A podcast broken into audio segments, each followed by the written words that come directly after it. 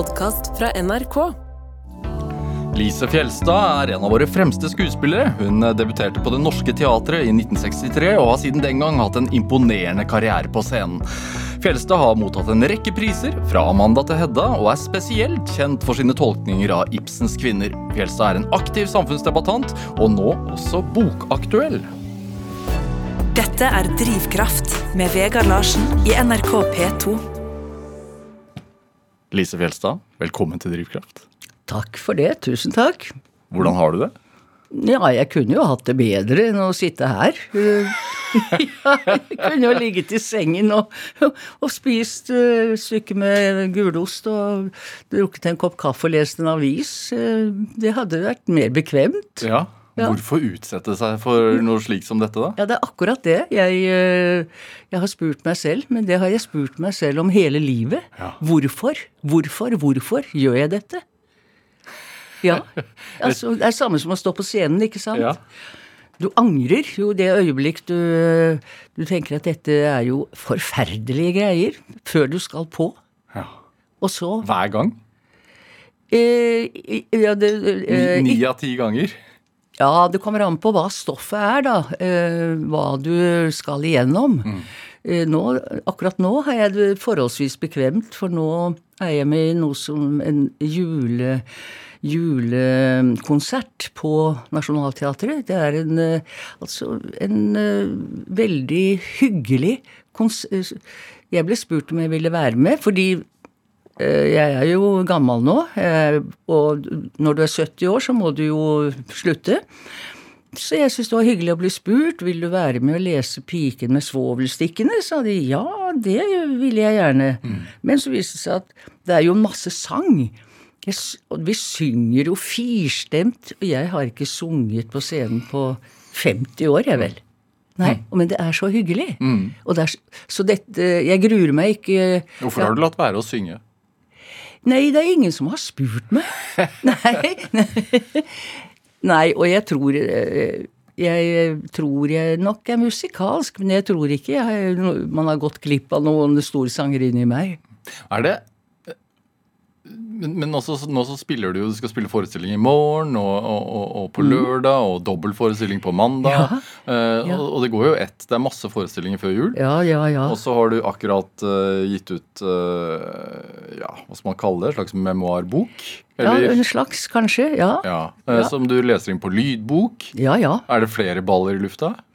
Ja, jeg eh, har jo et Ibsen-program sammen med pianisten eh, Håvard eh, Gimse, så vi har vært på Vestlandet nå i høst. eh, Miniturné med Ibsen. Og så har jeg en Fosse-forestilling med Håvard Gimse som, og Geir Tveit. Så, men den har vi ikke gjort på en stund. Men Ibsen har jeg Og den Ibsen-forestillingen jeg prøver å få folk til å skjønne at Ibsen var en mann med sterk erotisk eh, energi. ja. for han var det. Man tror jo ikke det når man ser bildene av ham og alt dette. Denne tilknappede uh, svingsen. Men du verden hva som har levet inni ham. Hvorfor er det gøy? Ja, det er jo spennende. Og jeg, jeg eh, gikk veien gjennom diktene hans, for jeg tenkte jeg må jo som en oppegående person ha lest alle Ibsens dikt, og det hadde jeg jo ikke gjort, for jeg syntes det var så kjedelig. Men så tenkte jeg ta deg sammen og gjør det. Og så gjorde jeg det. Og da så jeg at han hadde utlevert svært, svært mye av seg selv gjennom diktene, altså noen av diktene sine. Og det var så spennende, syns jeg, at jeg prøver å, har prøvd å finne inn til ham gjennom en del av diktene hans. Ja. Og så Håvard da Han er veldig sensitiv og leser mye selv. Lyrikk og alt mulig. Så vi bare kjente oss frem og fant musikk. Og jeg leser Ibsens liv på en måte gjennom diktene, og det er en mye åpnere mann. Og så får jeg folk til å skjønne at disse kvinnene han har skapt, det er jo voldsomme kvinner med et eh, sterkt intellekt og et sterkt driftsliv. Kan du ikke tro at han bare liksom fant på det? Krefter han kjente til bunns i seg selv i all sin skremmende voldsomhet. Det er det jeg prøver å Ja, det er det jeg prøver å si med det programmet. Ja, Hvorfor gidder du, da? Hvorfor jeg gjør det? Ja, fordi du, du, Vi startet jo denne praten her med å si sånn Å, nå kunne jeg ligget behagelig i sengen og lest avisen og ikke gjort ja, noen ting. Ja. Det er fordi jeg har en trang til å få andre til å uh, også oppleve dette her, da. Ja. Og, Og føle det. Og, og, og, og, og har lyst Man bruker ordet 'formidle'. Vel, vel, jeg har lyst til at folk skal oppdage ting. Ja. Og føle ting. Føle, særlig. Ja. For da oppdager man ting i seg selv. Hvor mye føler du? Altfor mye. jeg er mye jeg, jeg har alltid hatt Jeg har jo alltid sett sånn litt uh, lys og blid ut. Eh, sånn eh, jeg, jeg tror jeg eh, Jeg har følelseslivet mitt høyt, høyt oppe hele, hele tiden.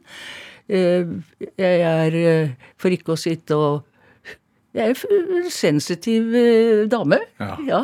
Hvordan, Hva vil det si? Altså, hva, hvordan arter det seg? ja, ting ja, Det vet vel du også, du er jo en sensitiv mann. Ja, mm. men nå kaster du på ballen tilbake til Ja, meg. jeg gjør det, jeg gjør det.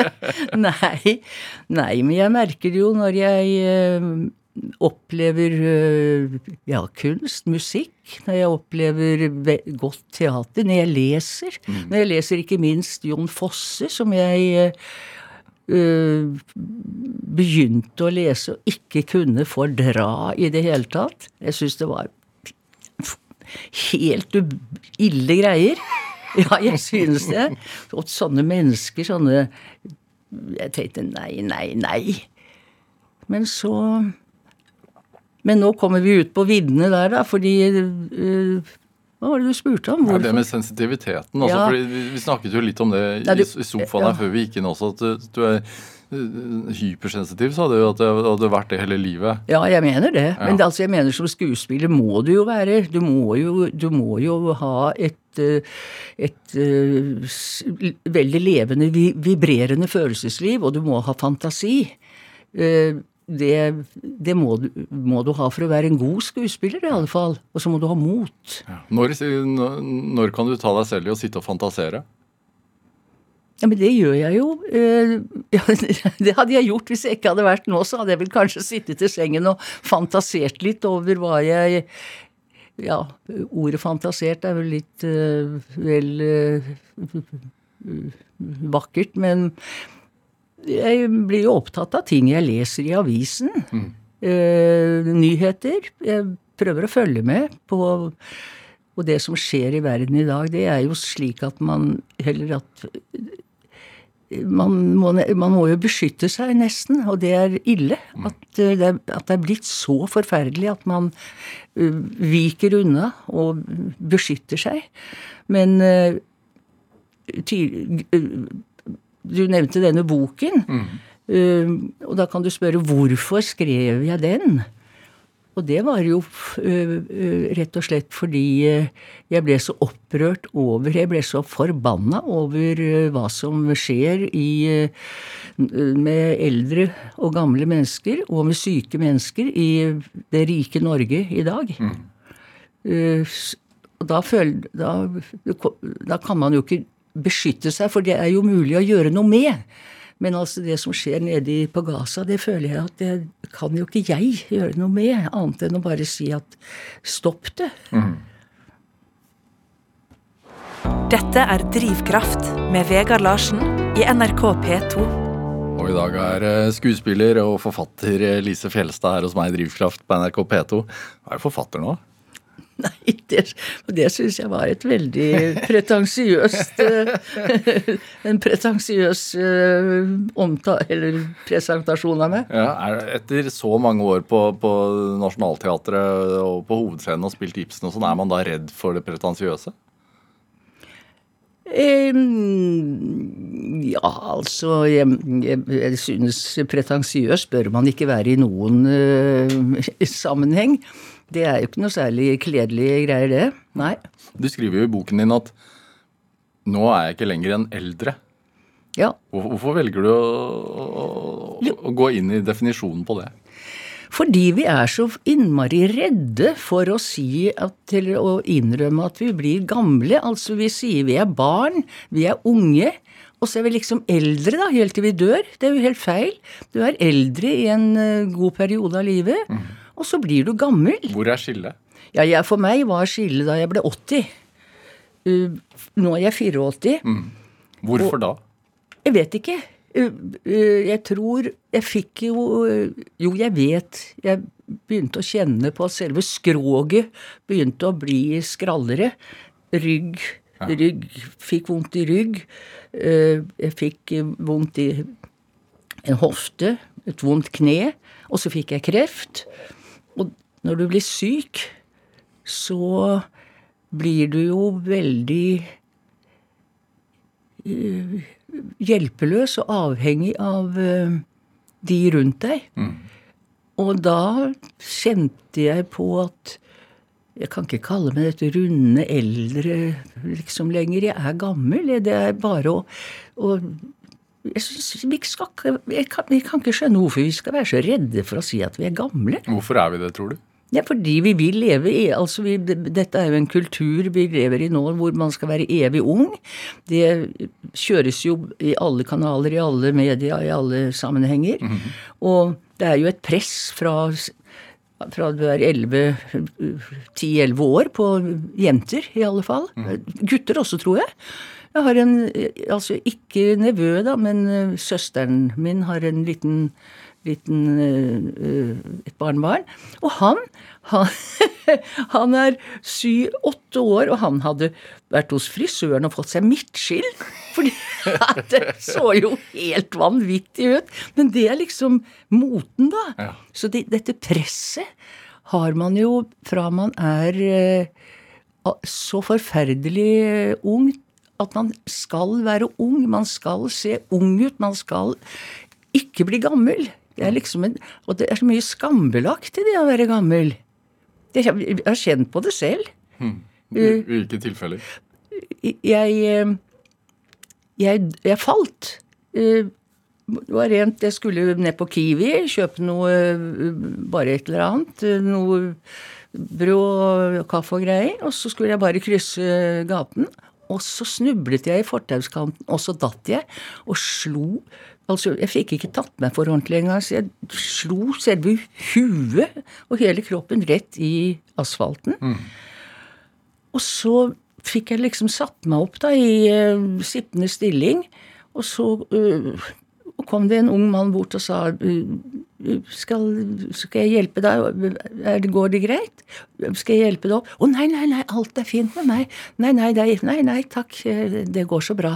Så jeg mens det liksom dryppet blod fra nesen min ned på På grunn av skammen? ja, på grunn av skammen. Jeg skjønte efterpå at jeg skammet meg fordi jeg hadde mistet kontroll på kroppen. Ja. Og det sitter dypt i oss. Og når en, en, eh, sønnen min hadde ringt til 113, og da spurte de også er du alene. Du er ikke Nei da, jeg er ikke alene, lyver jeg. Og jeg var helt alene. Skammet meg over at de liksom tenkte er hun Detter hun, da? Faller hun? Kan hun ikke stå Har hun mistet liksom kontroll? Var det et slags vendepunkt? Jeg tror det. Ja.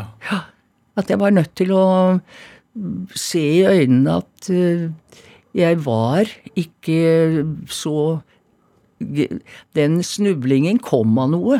Ja. Det var ikke bare en snubling, det var kanskje rett og slett at jeg ikke har den kontrollen på kroppen min lenger, fordi jeg har en Ja, jeg har sånn vondter nedover i et ben som blir ustøtt, da. Og da kan du dette. Nå går jeg bare på kirkegårder, for der ja, Jo, for der er det så mykt å falle. ja. For det er grus der, og så er det, er det, er det, er det gress. Så hvis jeg da detter, så faller, faller jeg jo bekvemt. Ja, Der, der er Lise Fjelstad på kirkegården igjen. Ja. ja, for å falle. For å falle nei, uff a meg. Men, men hva er det? Var det var det også vondt å innrømme det overfor seg selv? Ja, absolutt. Eh, det øh, jeg- skulle motta en sånn pris i rådhuset øh, tre dager etter at jeg falt. Årets hederssenior, det er jo flotte greier, liksom. Og det var jo det. Og så så jeg jo ut i ansiktet. Jeg var altså ikke bare, det var ikke bare blå, det var svart og gult og gult, sånn helt for, Halve ansiktet. man, så helt forferdelig ut. Så jeg tenkte at jeg må med avbud. Dette kan jeg ikke gjøre.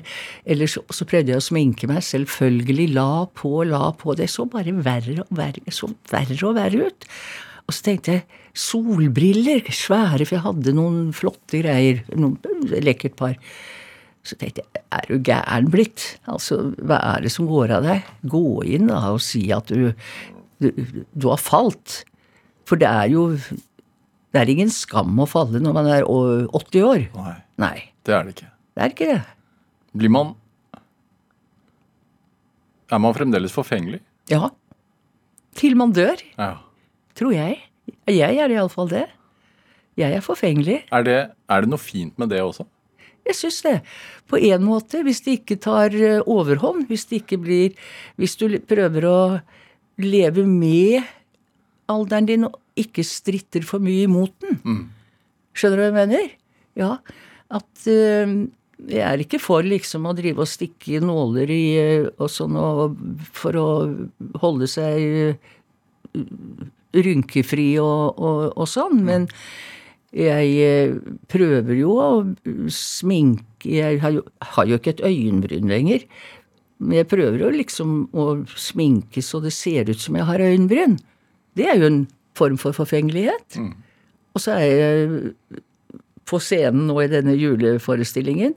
Der stavrer jeg jo rundt på eh, høye hæler, for jeg er så forfengelig at jeg tenker jeg går ikke inn på flate sko. Nei, jeg gjør det ikke. Hva, hva koster det etter, etter Det eh, koster en, en smertefull rygg resten av Resten av jula, sier ja, jeg. ja, det gjør det. Men det er det verdt. Jeg syns det er verdt det, ja. Mm. Uff, ja. Hvor, hvor, altså, du har jo hatt et synlig yrke uh, gjennom hele livet. Uh, og når man står da på scenen, uh, hvor tidlig blir alder noe man prater om? Jeg vet ikke om vi, vi snakker så mye om det, vi skuespillere oss imellom, men instruktører og teatersjefer, teatersjefer, de snakker om det. Og eh, da er hun 40, er hun 45? Nei, det er for gammel til det. Altså, det er tydelig det at eh, alder betyr noe i eh, hvordan man besetter stykkene. Ja. Og særlig for kvinner. Ja. Ja. Fremdeles? Og ja. Ja, det vil jeg påstå. Ja. Ja, absolutt. Er det, er det sånn at det er et et mellomparti der, hvor altså, som, som kvinnelig skuespiller at nå er du for gammel for de rollene, så nå må du vente i 20 år, for da kan du spille, spille, spille det. Ja, jo, jo, jo, du kan nesten si det sånn. Og på en måte kan det være riktig, og da er det, da er det viktig at man eh, har flere ben å stå på. At man ikke blir helt sjokkert over at uh, livet er så urettferdig. Uh, men eh, ved heller kaster deg ut i noe annet fordi man har så mye kunnen om så mye. Man vet mye eh, når man er 40 år som kvinne om livet, og som skuespiller har du drevet på i 20-25 år, så vet du en god del. Så da, da kan du gjøre andre ting. Jeg, jeg begynte å sette scene, jeg. For, men det jeg, hva, hva, hva er det? Eh, Altså regissør? Ja. ja, ja, Han sier ikke det lenger. Jeg, regissør ble jeg da. Eller det var fordi jeg ble spurt her oppe i radio helt om jeg kunne tenke meg å sette opp et uh, barnestykke, en serie. Hadde ikke tenkt tanken. Men så tenkte jeg uh, ja. Det er, altså, jeg har alltid trodd at jeg må hoppe. Jeg har aldri egentlig safet i livet mitt. Så egentlig burde denne boken som jeg har skrevet, den burde ha hett Tittelen burde vært I svevet, Ja. mener jeg. Men det syns ikke forlaget, så jeg ga meg på den. Hva legger du i det? Å tørre å hoppe eller å være i svevet? Ja, jeg legger det at du, du må ikke Du må ikke drive og kjenne Altså sette foten og så kjenne er det trygt dette foran meg. Er tørr, kan, er grunnen trygg? Detter jeg, faller jeg? Du må tørre å falle. Du må tørre å hive deg uti det. og Altså, du kan slå deg, selvfølgelig, men jeg tror ikke som oftest så karrer man seg opp igjen og har lært noe. Men sånn er det med alle store ting i livet, tror jeg. At du må tørre å satse. Og du må tørre å hive deg uti det. Ja. Og jeg tror også, når det gjelder min måte å arbeide på som skuespiller, det skal jeg ikke bry alle med nå, men det er også at jeg Finn har funnet uh, ting i svevet, for å si det sånn, når jeg har Altså, du må ha et, uh, lagt et in, altså, grunnlag, intellektuelt grunnlag, en grunnmur. Men når du har gjort det, så er det veldig viktig, synes jeg, å glemme alt det du vet, alle tanker, alle diskusjoner, alt du har. Grunnmuren, og så prøve å viske det ut av hodet, og så åpne opp for det andre i deg. Det, altså det andre apparatet du har som er Ja, hva kaller man det, da? Altså hele følelsesapparatet ditt. Mm. Det intuitive, det du ikke Det du ikke vet. Å være til stede. Ja. Og så tørre å bare Det som kommer. Og da kan du finne plutselig ting som du aldri kunne ha tenkt deg til. Og det det er de riktige tingene. Og det eh, Med tanke på det å være til stede og tørre å være, være der og da, da, på scenen. Ja. I forhold til det eh, at du nå definerer deg som gammel og, ja. og sier at jeg, jeg kan ikke si nei lenger, for jeg veit eh, Jeg kan ikke si det kan jeg gjøre seinere, fordi seinere kommer kanskje ikke. Også at du uh, um, ja. er i nuet på en helt annen måte da, enn en før. Hva sa du nå? Jeg hørte At du er i nået på en ja, helt annen, på en annen måte. måte. Ja, det, det, det, det var veldig bra sagt at du sa det, fordi det høres så liksom Å, jeg er i nuet, jeg lever bare nå. Det er klart at ingen kan greie det. Det er et ønske vi har. Og jeg mener at uh, når jeg er blitt så gammel som dette, så øh, kan jeg ikke regne med at Ja, jeg blir spurt om å skrive bok flere ganger siden jeg var 40 år, 50 år og sagt nei, for jeg syns ikke at jeg har skrevet om meg selv. Det syns jeg ikke noe om. Men jeg, nå har jeg kanskje litt erfaring som jeg kan bibringe noen. Så, men uh, jeg er kommet dit at jeg kan ikke si ja, det skal jeg gjøre etterpå, for jeg, det, det, kan jeg ikke si lenger. Det er derfor jeg mener at jeg lever, i, lever nå. Mm. For det, jeg kan ikke si at den boka Jeg kan ta det neste år. Vet ikke om det er noe neste år når du er 84 år og hatt kreft og greier. Mm. Nei. Hva gjør det? Jeg, tror det gjør at uh, man uh, Jeg har alltid trodd på å hive seg ut i ting, og nå tror jeg på det enda skarpere enn jeg uh, har gjort, altså, gjort tidligere. Mm. Jeg prøver i alle fall.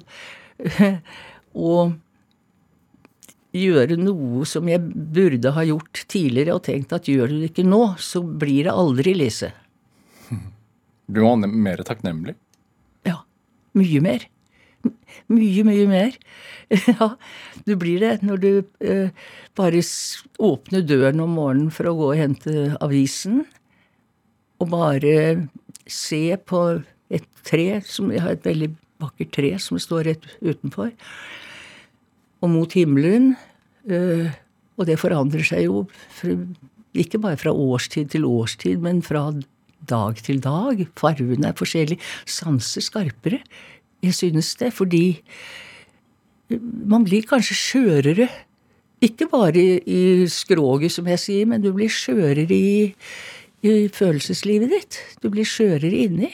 Hm. Og tar da imot eh, skarpere.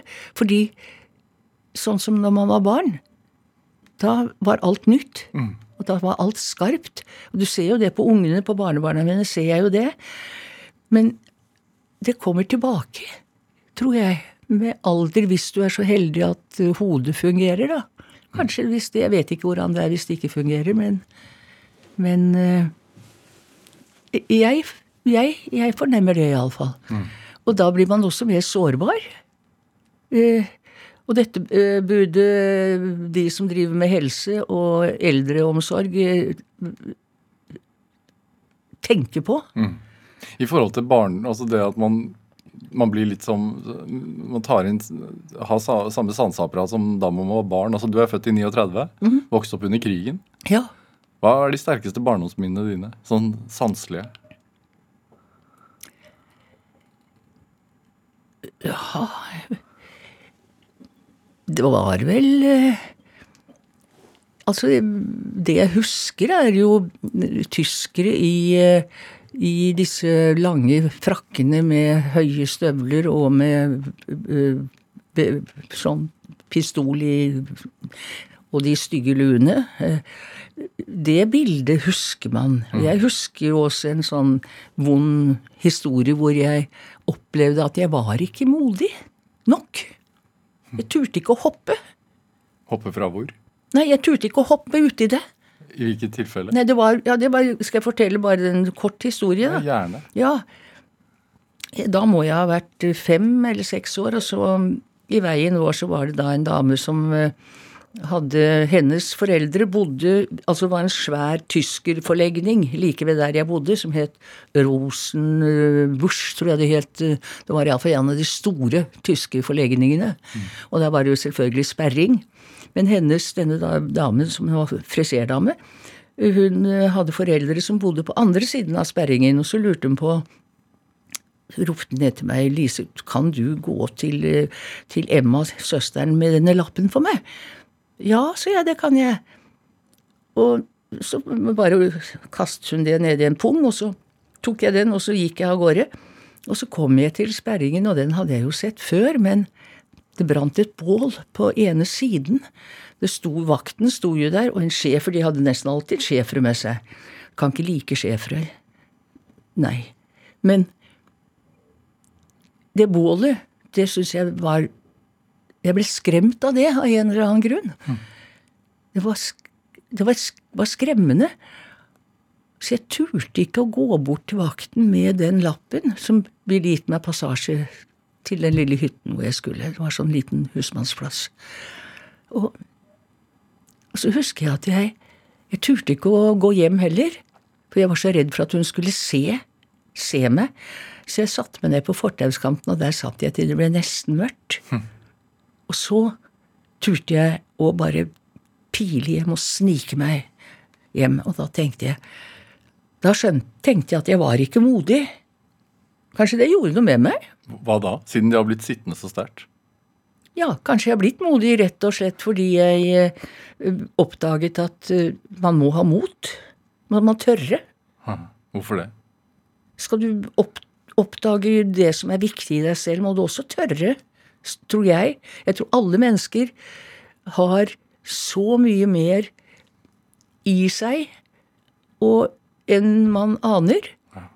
Uh, jeg, jeg tror alle har eh, For veldig mange unge tenker man hva skal jeg bli, hva er det jeg, hvilket yrke og sånn. Men begavelsen ligger i, inni deg. Det er bare at du må Noen må liksom Noen må vekke det. Pirke borti det. Du må ha en opplevelse som gjør at, at du oppdager noe i deg selv. Kanskje jeg oppdaget noe da med den at jeg eh, ikke ikke turte den gangen. Hva er du mest stolt av å ha turt? ja øh, Ja Det er mye, det. ja, ja. Huff a meg. Ja, jeg er veldig stolt av å ha turt å kaste meg ut i kjærligheten. Jeg er stolt av å ha turt å føde når jeg fikk tilbud om et keisersnitt, men jeg tok sjansen på, for jeg hadde, ville så gjerne vite hvordan det var å føde. Mm. Og så er jeg stolt av at jeg turte å gå inn på scenen.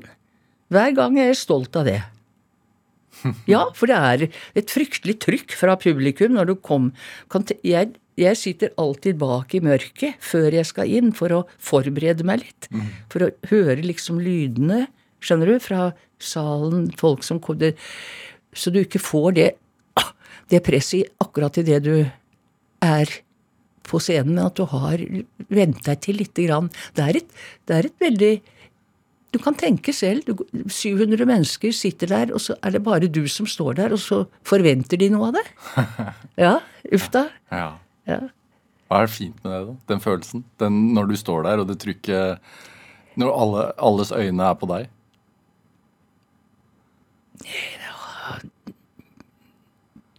Jeg vet ikke om det er noe fint ved det akkurat. Jeg vet bare Nei, jeg vet ikke om det er noe fint ved det, men uh, hvis du da greier å åpne munnen og, og formidle, eller si det du vil si, Ja. det, da, kan du opp, da kan du oppleve fine øyeblikk hvis du er heldig. Ja, Du overvinner noe inni deg selv hver gang? Ja. Ja.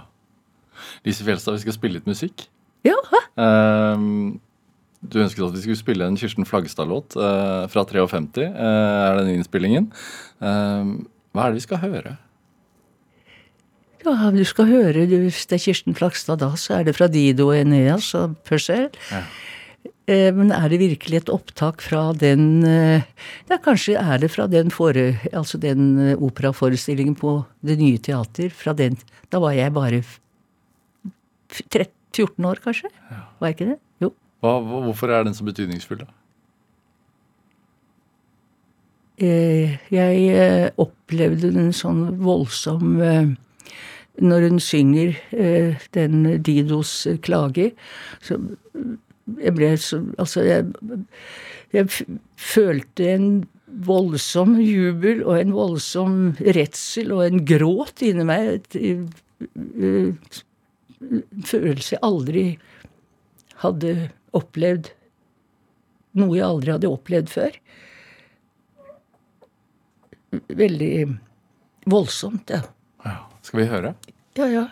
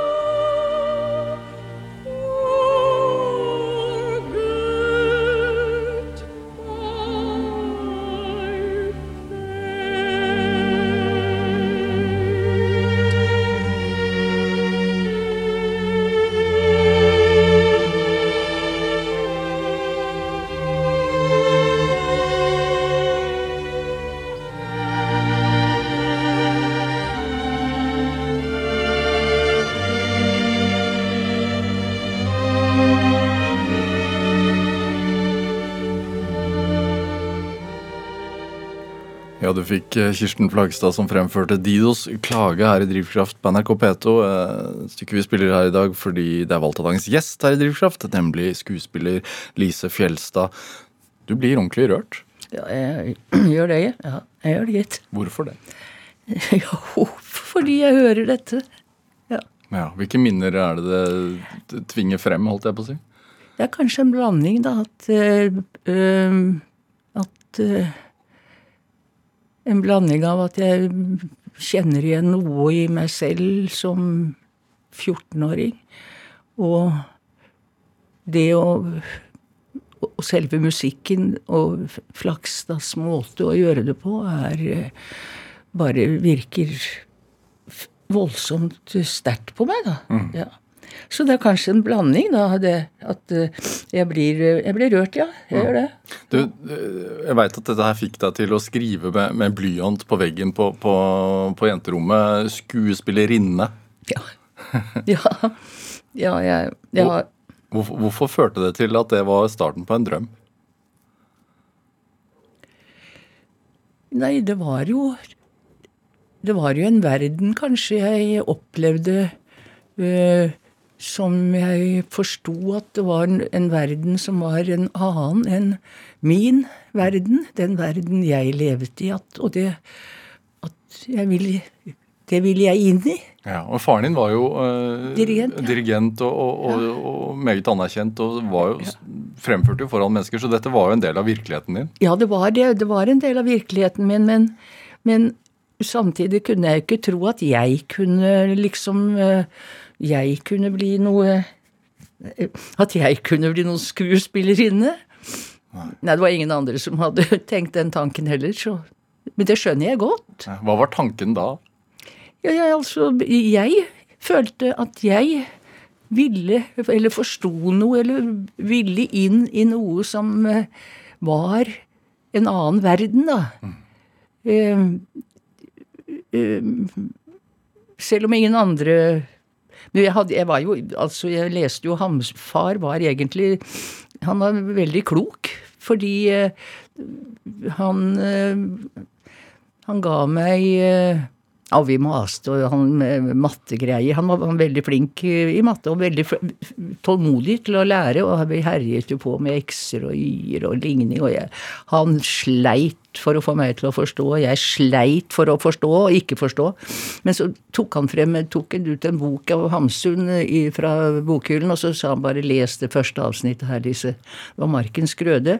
Og etter det så var jeg helt solgt. Så, og da leste jeg nesten alt jeg kunne komme over av Hamsun, men jeg trodde jo at jeg var det eneste mennesket i verden som forsto jeg, jeg, jeg, hadde, jeg trodde nesten jeg hadde oppdaget Hamsun, jeg. Det var helt gæren. Ja. Ja. Eh, så du vet Det stemte med noe som jeg inni meg som jeg ikke skjønte. Men, eh, det var jo, men jeg var jo ikke jeg, Men jeg tror kanskje at jeg ble veldig sjenert. eh, Fordi jeg var ikke noe sjenert som barn. Men jeg tror jeg ble det når jeg oppdaget at jeg ville noe. Eller måtte noe som ingen andre kunne se var en mulighet for meg. Hvordan, hvordan var det hjemme hos dere? Altså for Så vidt jeg har forstått, så har du vokst opp i et ganske sånn trygt uh, miljø og, og ja. på Østensjø i Oslo, Ja. uh, som jo den gang ikke var så tettbebygd som det er nå. Nei, det var på landet. Ja, det var på landet. Jeg vokste nesten opp på gård. Fordi eh, mormoren og bestefaren min de hadde en gård, Søndre Skøyen. Og der er det jo nå bare høye blokker. Det er vel en liten drabantby blitt, liksom. Altså Oppsal, Skøyenåsen der. Og, eh, men når jeg var barn, så var det jo bare jorder. vet du. Jeg har vært med på hersing, jeg har vært med på isskjæring, til og med på Østensjøvannet. Altså å skjære svære Å se disse kara som kunne var isskjærere og kunne skjære kjempeblokker med is og lempe på, opp på slede. Og, øh, og kjøre opp til gården, som skulle holde melken øh, Altså ble lagt i sagflis, da. Og skulle holde melken øh, kald utover våren. Det har jeg vært med på, og selvfølgelig plukke poteter og alt det, så jeg har vært ø, ufattelig heldig, har jeg skjønt. Fordi jeg fikk jo en veldig Jeg fikk en barndom som var ø, ø, veldig åpen, og samtidig så var det veldig mye musikk. Men, men eh, jeg så aldri eh, noen mulighet Liksom jeg, jeg hadde Jeg visste at jeg måtte. Men eh, det var ingen andre som skjønte at, at dette var noe jeg måtte. Nei. nei. nei. Nei, du, du, du, prøvde deg jo. Du fikk tre avslag. Ja, det gjorde jeg. ja. Tenk det. Ja, det var ikke noe moro, det. Man ja. føler seg da ganske vraket, ja. Ja, altså For å komme inn på, på, På teaterskolen. teaterskolen. Men det, det er også en stamina inne i bildet her, da. Ja, men det må du jo ha. Hvis du virkelig mener eh, noe med det, så må du det. Ja. Så må du eh, Jeg tror jeg hadde blitt et dypt ulykkelig menneske hvis jeg eh, Hvis det ikke Det var jo Toralf Maurstad som satt i eh, Det var en sånn litt eh, sånn dum historie. Jeg kan godt fortelle den.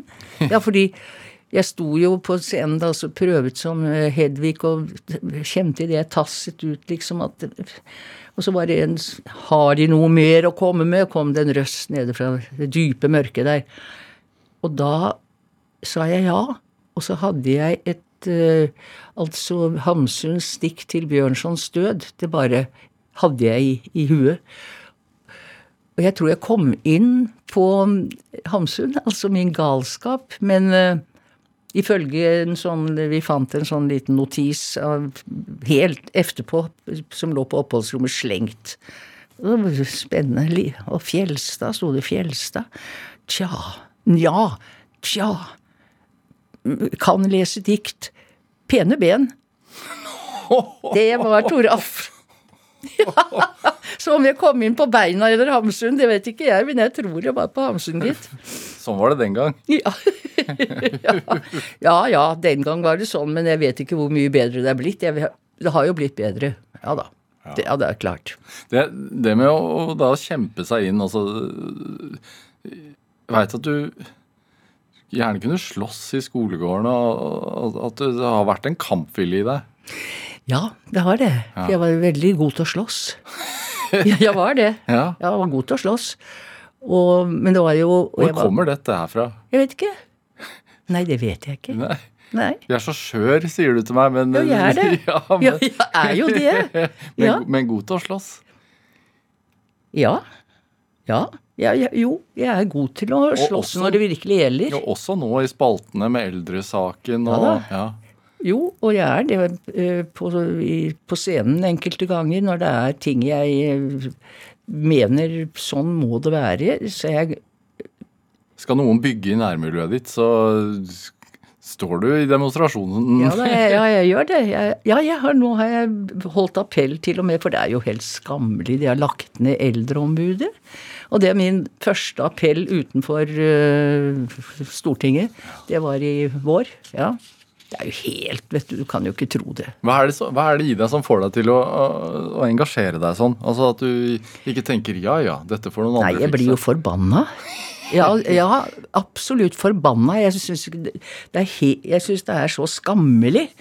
Og Du kan begynne å ramse opp hva jeg syns er skammelig. Altså Ibsen eh, museum, teater. Der står det en, en teaterscene klar og ferdig. Det, og, og, og Eldreombudet blir lagt ned. Der står Kjerkol og sier at eldre mennesker må ta vare på seg selv. Det vet vi da. Svarte helvete vet vi vel det? Ja, vi vet jo det. Ja, Det er ikke det hun skal si. Hun skal si vi skal ta vare på dere når dere blir så gamle at de ikke kan ta vare på dere selv. Det skal en skikkelig helseminister si. Ja, og så har vi en regjering nå hvor det bare sitter øh, altså barn, etter min mening, sånne som er ikke mer enn 40 år. Hvorfor i all verden Altså, jeg er ingen, jeg er ingen øh, fan av Raymond Johansen, det kan jeg ikke si jeg er. Nei, nei. Men jeg synes jo at øh, under koronatiden Han gjorde jo en veldig ålreit jobb. Og han hadde jo en evne til å kommunisere med mennesker. Nei, men han Hvorfor er ikke han i regjeringen, da? Ja, jeg skjønner ikke. Nei, nå vet jeg at Jeg merker nå at, jeg skal, at ballen begynte å rulle. Er, er det Du skriver jo eh, i, i, i boka di også 'Ordene i speilet' om, om kjærlighet. Ja. Det er en bok som handler veldig mye om kjærlighet. Ja. ja. Men det er jo det viktigste i, i livene våre. Ja. I alle menneskers liv. Fordi vi lever hele tiden Altså fra vi blir født, så lever vi i håp om kjærlighet, i forventning om kjærlighet. Vi lever i ønske om å oppleve kjærlighet. Vi lever kanskje i kjærlighet, og vi lever i fravær av kjærlighet. Altså hva kjærligheten gjør eller ikke gjør med oss. Det styrer og former livene våre. Det er den største kraften. Enten vi skjønner det eller ikke, enten vi forst, altså vet det eller ikke, forstår det eller ikke, enten vi vil det eller ikke. Det er det aller verste. Ha- Har du måttet kjempe for kjærlighet? Ja. Ja, jeg har det. Og jeg har øh, Jeg kan ikke si jeg kan se på meg selv med og, og synes at jeg har oppført meg på en øh, helt skikkelig måte. Det syns jeg ikke, for jeg ble jo veldig Jeg var gift og ble jo totalt betatt av en annen mann. Og det er ikke noe morsomt å gjøre ting mot eh, andre som er så smertefulle, nesten ødelegge andres liv for selv å oppleve det du mener er den kjærligheten du må kjempe for, som er vil forløse alt i deg. Har du da funnet trøst eller råd eller sånn i, i f.eks. Ibsen eller i stykker du har spilt? Ja, det har jeg ikke tenkt på, men eh, det kan jo godt hende, fordi de store kvinnene hos Ibsen, de har eh, De har eh, De har brutt igjennom skall på skall i seg selv. Og har våget å De har våget å hoppe uten sikkerhetsnett. De har våget å, å hive seg ut og uten å, uten å ha noe trygghet. Eller har, ellers har de ikke gjort det, og det har ødelagt livene deres.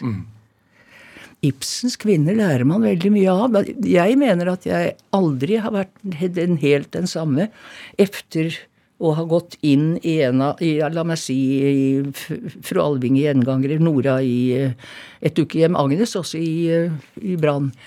Du er Det gjør noe med deg. Ja. Du er ikke helt den samme etterpå.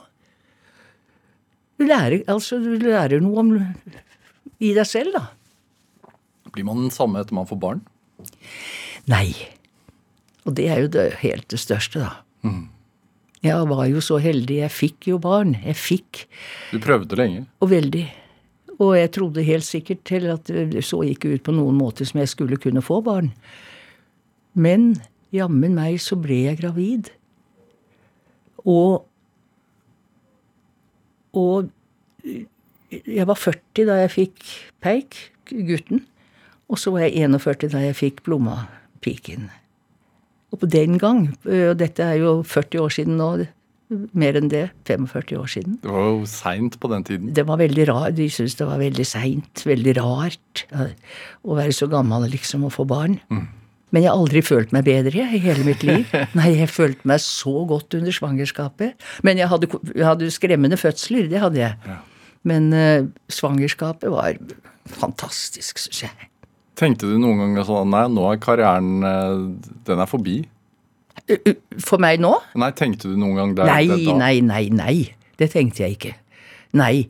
Det er klart man kan greie begge deler. Altså, det slo meg ikke engang. Nei. Og det var det jo ikke heller. Jeg bare tror at jeg fikk mer, at jeg utvidet meg som menneske. Jeg skjønte mer. Jeg, jeg, jeg så verden rundt meg på en eh, Før jeg bare liksom bare teater, men idet jeg får, fikk barn, så utvidet verden seg. Da begynte jeg å bli virkelig samfunnsengasjert. Altså så alt jeg syntes var gøy. Da fikk jeg bruk for den der slåssgenet slåss i meg. Jo, for jeg syntes det var så mye gærent. I nærmiljøet. øh, Skolene. Altså, det ble ikke brukt penger på den skolen ungene gikk på. Uranienborg skole, der var det, var en knust rute, så var det papp, liksom. Ungene måtte ha med seg eh, doruller, for å Det var ikke engang dopapir på do. Dørene var jo sparket inn. Det var jo så mye vanvittig gærent. Det var mye å ta tak i. Og utbyggingsmessig forferdelig mye. Grønt skulle det ikke være. Husker Rune Gerhardsen sa til meg du må forstå det, Lise, du bor jo i en by, og det er stein og asfalt, det skjønner du. Ja, det er virkelig sant. Det, men dette er lenge siden altså dette Da var jeg 45 år, vel. Ja, og nå er jeg, det er 40 år siden, da. Er det ikke det? Jeg kan ikke regne, jeg. Hvordan er det å, å se tilbake på uh, det at du forteller at du vokste opp på Østensjø, og da var det bondelandet og melkekyr. Nå er det en øh, drabantby. altså Alt rundt deg har jo endret seg voldsomt Ja. På de 80 årene. Ja, enormt. Og for ikke å snakke al- Altså hva som har skjedd med alt det digitale, da. Altså det gjør jo at jeg føler meg uh, nesten i, som jeg lever i en fremmed verden. Altså at det er en verden utenfor meg som jeg ikke, ikke forstår, og som jeg ikke kan bli del av. Vil du bli en del av det, eller tenker Ja, du at vil nei, orker ikke? Nei, jeg vil gjerne. Fordi øh, øh, Nei, når man begynner å snakke om kunstig intelligens, da tror jeg jeg tenker Nei, orker ikke. Det, for, nei, da får det være, liksom. Ja. Men å kunne greie å liksom gå inn når de sier 'resten finner du på nrk.no', at man skjønner hvordan man skal kanskje gjøre det, og betale i bank ja, altså Du kan jo ikke Du kan jo ikke gå i en bank lenger, du kan jo ikke parkere en bil lenger heller. For hvis du ikke har en app Nei. Og jeg kan ikke installere apper, men det kan Peik, sønnen min, så han gjør dette for meg. Og for, han er ganske snill til å forklare. Han gjør det litt rolig, men så tenker jeg de som ikke har en sønn eller datter, da. De som ikke har noen som kan forklare. Hvem er det som skal forklare dem? Det er fordi så sier de å jo da, det, vi har så mange Det er mange steder, det er kurs. Det er kurs hvor du To ganger i uken. Jeg ringte. Hallo. Jo. Ja, dere har kurs. Ja, eh, mandager og onsdager. Helt flotte. Å ja. Eh, Men eh, ligger det langt fra holdeplassen, trikkeholdeplassen? Ja, det er jo et stykke å gå. Å ja. Ja, mm. ja, hvor langt da omtrent, spurte jeg, fordi jeg har, kan ikke gå så lange avstander lenger før jeg detter. Eh, ja, nei, det var liksom mindre enn ti minutter, da, så ja, ja. Og så tenker jeg, så skal jeg opp til trikken eh, der, hvor jeg skal ta trikken, og der må jeg være vanskelig, det er også et godt stykke å gå hvis jeg ikke får satt meg ned. Men altså, hvorfor tar de ikke vare på så Det er ikke så Det er liksom så de tror de har gjort noe veldig ålreit, og det har de ikke. De skulle, det, de det de skulle gjøre, det er man skal, skulle få digital hjemmehjelp. Det ville ikke koste så forferdelig mye. Og hadde jeg vært ung i dag, så hadde jeg startet det privat og blitt veldig rik. Ja, Ja, det er meget godt for tips. ja, Ja. det er det. Det er ikke så mye som skal til, skjønner du. En liten pool med mennesker som du kan bruke, unge studenter og alt mulig. Og, eh, og så ringer du, og du får snakke med en, en levende stemme, og så sier du trenger hjelp til det, og da sier de ja, vi kan sende en om en halv time, eller dessverre, det er som pågang, neste, ne, i morgen, da da. Lise Fjelstad, en time går altfor fort. Oh, ja. Um, jeg skulle gjerne hatt deg en time eller to til, men, men sånn er det. Uh, Det er snart jul. Jaha? Gleder du deg til jul? Ja. Ja. Hva kommer du til å tenke på på julaften?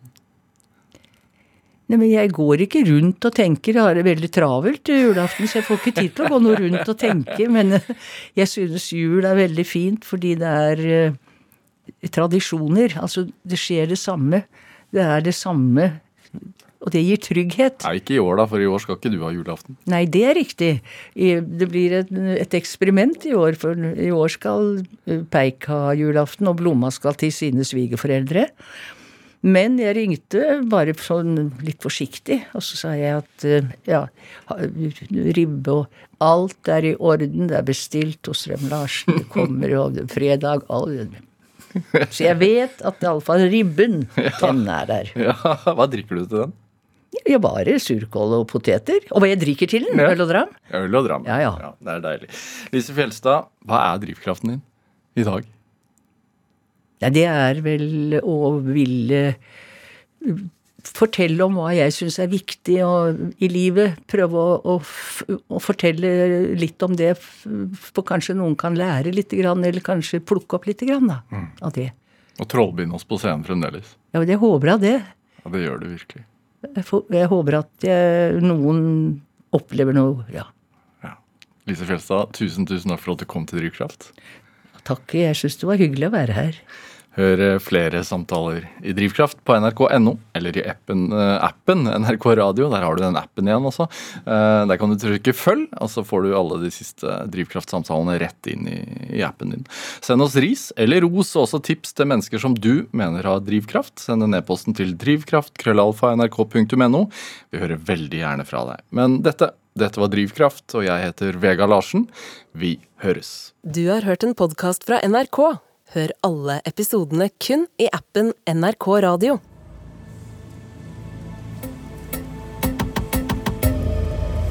Glass og alt eksploderer. Rommet jeg står i, det fylles opp med snø. Julen 2015 går et stort snøskred i Longyearbyen på Svalbard. To barn i den mellomgangen. De er borte nå. Her kan vi grave. Elleve hus blir smadret, og mange begraves under snøen. Og jeg roper at Pernille og Nikoline er borte. De er forsvunnet i snømassene. Hør Begravd i snøen i appen NRK Radio.